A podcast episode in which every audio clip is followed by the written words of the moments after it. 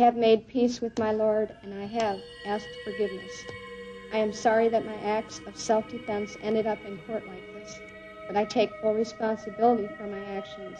It was them or me. I am sorry for all the pain that my actions have caused. I am prepared to die if you say it is necessary. زعما شنو هو اللي يخلي الإنسان يقتل؟ Back when I was smart, I would let them come to me.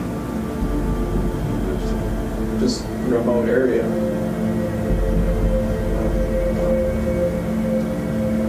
Come, come go to a remote area that's not anywhere near where you live, but that other people go to as well. كيفاش المجرم يختار الضحية متاعه؟ School children make nice targets. I think I shall wipe out a school bus some morning.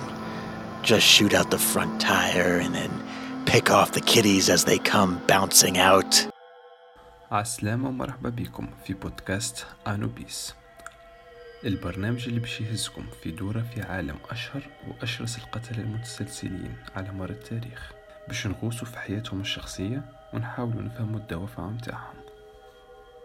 I had uh, these obsessive uh, desires and, and uh, thoughts wanting to control them, to, uh, I don't know how to put it, uh, possess them permanently. And that's why you killed them. Right, right. Not because I was angry with them, not because I hated them, but because I wanted to keep them with me. And uh, as my obsession grew, uh, I was saving body parts such as uh, skulls,